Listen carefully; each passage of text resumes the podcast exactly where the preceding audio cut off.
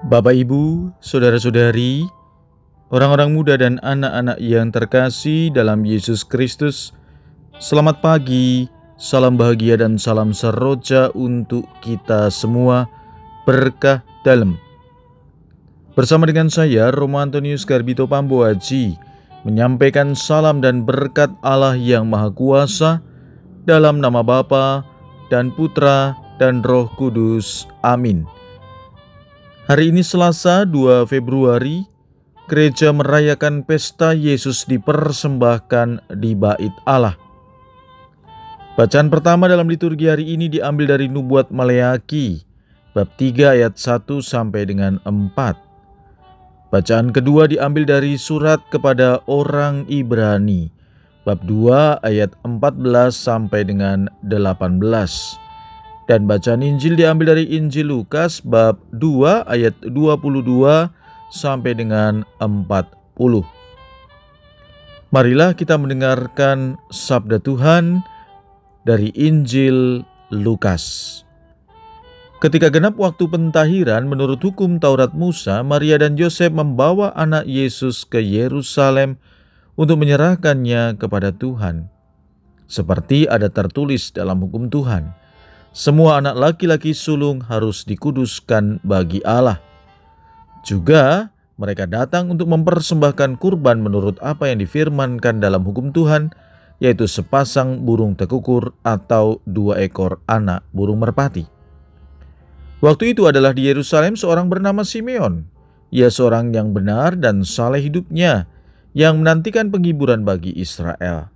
Roh Kudus ada di atasnya, dan kepadanya telah dinyatakan oleh Roh Kudus bahwa ia tidak akan mati sebelum ia melihat Mesias, yaitu Dia yang diurapi Tuhan. Atas dorongan Roh Kudus, Simeon datang ke Bait Allah. Ketika anak Yesus dibawa masuk oleh orang tuanya untuk melakukan kepadanya apa yang ditentukan hukum Taurat. Simeon menyambut anak itu dan menatangnya sambil memuji Allah katanya, Sekarang Tuhan, Biarkanlah hambamu ini pergi dalam damai sejahtera, sesuai dengan firmanmu. Sebab mataku telah melihat keselamatan yang daripadamu, yang telah engkau sediakan di hadapan segala bangsa, yaitu terang yang menjadi pernyataan bagi bangsa-bangsa lain dan menjadi kemuliaan bagi umatmu Israel. Yusuf dan Maria amat heran akan segala sesuatu yang dikatakan tentang anak Yesus. Lalu Simeon memberkati mereka dan berkata kepada Maria ibu anak itu, Sesungguhnya anak ini ditentukan untuk menjatuhkan atau membangkitkan banyak orang di Israel dan untuk menjadi satu tanda yang menimbulkan perbantahan. Dan suatu pedang akan menembus jiwamu sendiri supaya menjadi nyata pikiran hati banyak orang. Ada juga di situ seorang nabi perempuan anak Fanuel dari suku Asher namanya Hana.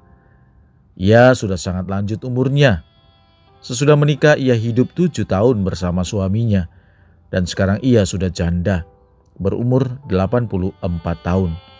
Ia tidak pernah meninggalkan bait Allah dan siang malam beribadah dengan berpuasa dan berdoa. Pada saat anak Yesus dipersembahkan di bait Allah, Hana pun datang ke bait Allah dan bersyukur kepada Allah serta berbicara tentang anak Yesus kepada semua orang yang menantikan kelepasan untuk Yerusalem.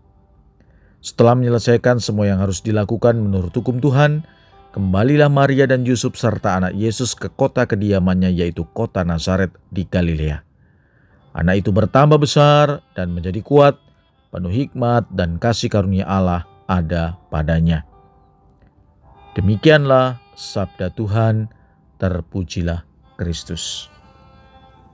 Saudara-saudari yang terkasih, dalam Injil yang baru saja kita dengarkan dalam rangka pesta Yesus dipersembahkan di bait Allah. Dan pesta ini dirayakan 40 hari setelah hari raya Natal ada lima tokoh yang muncul. Pertama Yesus yang dipersembahkan di bait Allah Jelas dikatakan bahwa ia adalah Mesias yang dijanjikan. Nampak dalam sikap Simeon yang menantikan seorang sang juru selamat dan tak akan mati sebelum berjumpa dengan sang penyelamat itu. Kedua, Maria dan Yosef. Orang tua Yesus yang datang ke bait Allah mempersembahkan korban persembahan untuk pengudusan keluarga mereka. Maria dan Yosef tidak menuntut perlakuan istimewa dari Allah walau mereka telah mengamini kehendaknya. Tetapi tetap mempersembahkan seluruh keluarganya kepada Allah. Mereka mewakili keluarga-keluarga saleh pada zaman itu. Dan tentu juga harapannya pada zaman sekarang. Kedua tokoh ini menanamkan tradisi keagamaan dalam bangsa Israel sejak dini kepada Yesus. Memaklumkan Yesus sebagai anak sah menurut hukum dengan menamainya Yesus. Kemudian menguduskan Yesus dengan mempersembahkannya di bait Allah. Mereka di sini hendak memberi contoh dengan menghidupi lebih dahulu tradisi keagamaan mereka. Yosef dan Maria mengembalikan sang bayi Yesus kepada tugas perutusan yang hendak diembannya. Tokoh yang ketiga adalah Simeon dan juga Hana. Mereka menyambut Yesus di bait Allah. Keduanya mewakili orang-orang saleh pada zaman itu yang menantikan kedatangan Sang Mesias yang jelas akan mengawali zaman baru.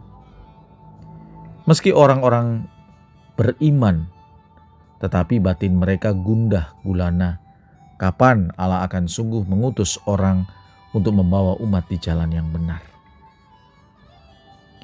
Kidung Simeon merupakan pujian yang juga meringkaskan pengalaman yang melegakan batin Simeon karena dapat melihat datangnya penyelamatan yang disediakan bagi siapa saja.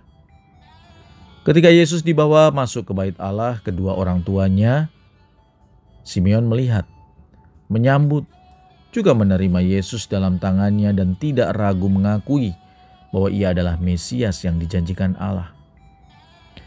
Hal yang senada juga dilakukan oleh Hana yang memahami hal itu dengan penuh sukacita dan pengharapan.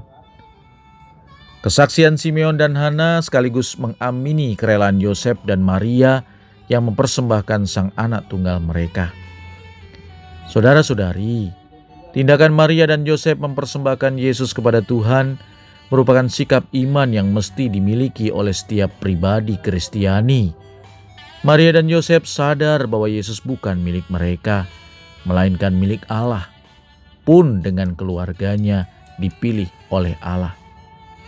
Kita juga diundang untuk senantiasa mempersembahkan diri kita, keluarga kita, karya-karya kita, situasi hidup kita Mempersembahkan diri juga berarti menguduskan. Kita semua sedang mengusahakan pengudusan diri itu. Marilah kita berdoa. Ya Bapa Surgawi, terima kasih kepadamu kami haturkan karena Engkau sungguh mau datang ke dunia menyapa kami dengan lebih dekat. Dengan kedatangannya kami telah menerima sukacita dan pengharapan, damai sejahtera dan penghiburan. Semoga setiap orang berkendak baik yang datang ke hadapan kehadiratmu memperoleh penghiburan karena menjadi mengenal dan mengalami Yesus dengan sebagai Tuhan dan Juru Selamat. Berkat Allah yang Maha Kuasa, dalam nama Bapa dan Putra dan Roh Kudus. Amin.